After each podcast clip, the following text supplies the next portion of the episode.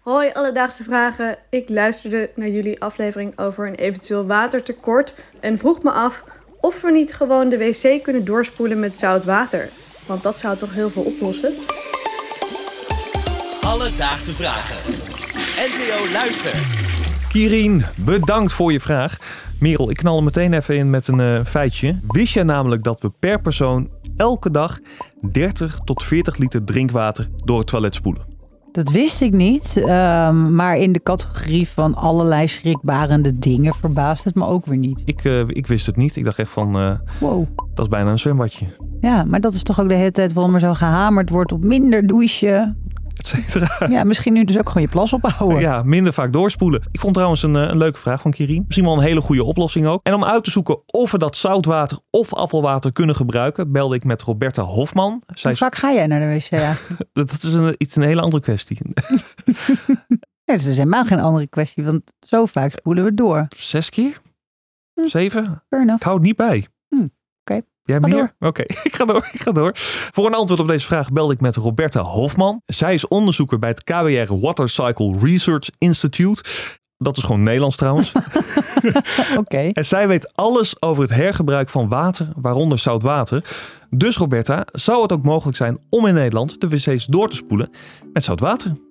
Ja, dat kan zeker. Dan moet je een eh, apart leidingssysteem hebben om dat zeewater in de huizen te brengen. En dat vereist wel wat aanpassingen, zodat je ervoor zorgt dat je daar geen fouten met aansluitingen maakt. Want je wil natuurlijk niet hebben dat dat zeewater eh, ongezuiverd, zeker niet, in je, je kraanwater terechtkomt.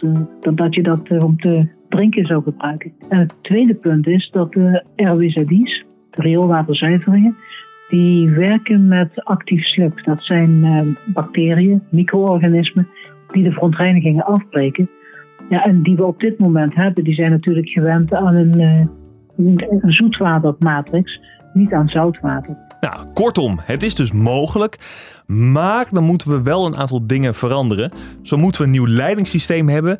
En blijkbaar moet dus ook de riolering aangepast worden. Hm. Kortom, dat gaat ongelooflijk veel geld kosten. Ja, maar toch ben ik wel een beetje op een soort positieve manier getriggerd. Dat ik denk op de lange termijn is dat de investering toch misschien wel Nou ja, hangt vanaf hoeveel drinkwatertekort wij hebben. Er is trouwens ooit al iets vergelijkbaars geprobeerd in Nederland. Namelijk in de wijk Leidse Rijn in Utrecht. Daar werd, toen het werd aangelegd, geëxperimenteerd met of ze eh, ja, de wc's konden doorspoelen met vuil water, om zo te zeggen. Gewoon Mhm. afvalwater. Nou, dat hebben ze geprobeerd, maar dat ging alleen behoorlijk mis. Monteurs hadden namelijk een fout gemaakt met het aanleggen van de leidingen. Ja. ja. En een aantal bewoners die dronken toen dat eh, afvalwater en die werden hartstikke ziek. En toen werd besloten om dit in Nederland niet meer te doen. Nou, wat is dat nou weer voor iets waanzinnigs? Omdat een of andere debiel de leidingen verkeerd aanlegt, eh, krijgt nu natuurwater een slechte naam. Dit was afvalwater. Oh ja, dan nog. Ja. Ja, als je die leidingen gewoon goed aanlegt, dan kan je dat toch experiment nog wel een keer Ja, doen. ze vonden dat volksgezondheid voor moest gaan. Ja, daar gaan we weer. Oké, door. Ja, Merel, je hebt gelijk. Misschien is het toch wel een beetje kort door de bocht. En stel nou dat het drinkwatertekort echt heel erg toeneemt.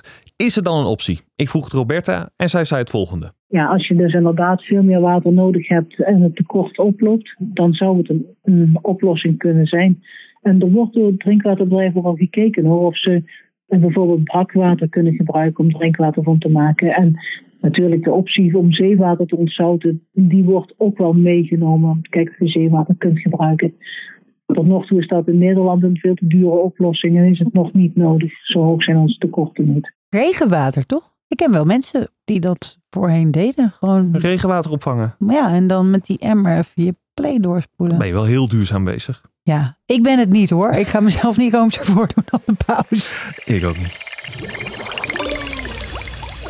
Dus Kirien, vandaag zochten we voor je uit of het mogelijk is om de wc met zout water door te spoelen.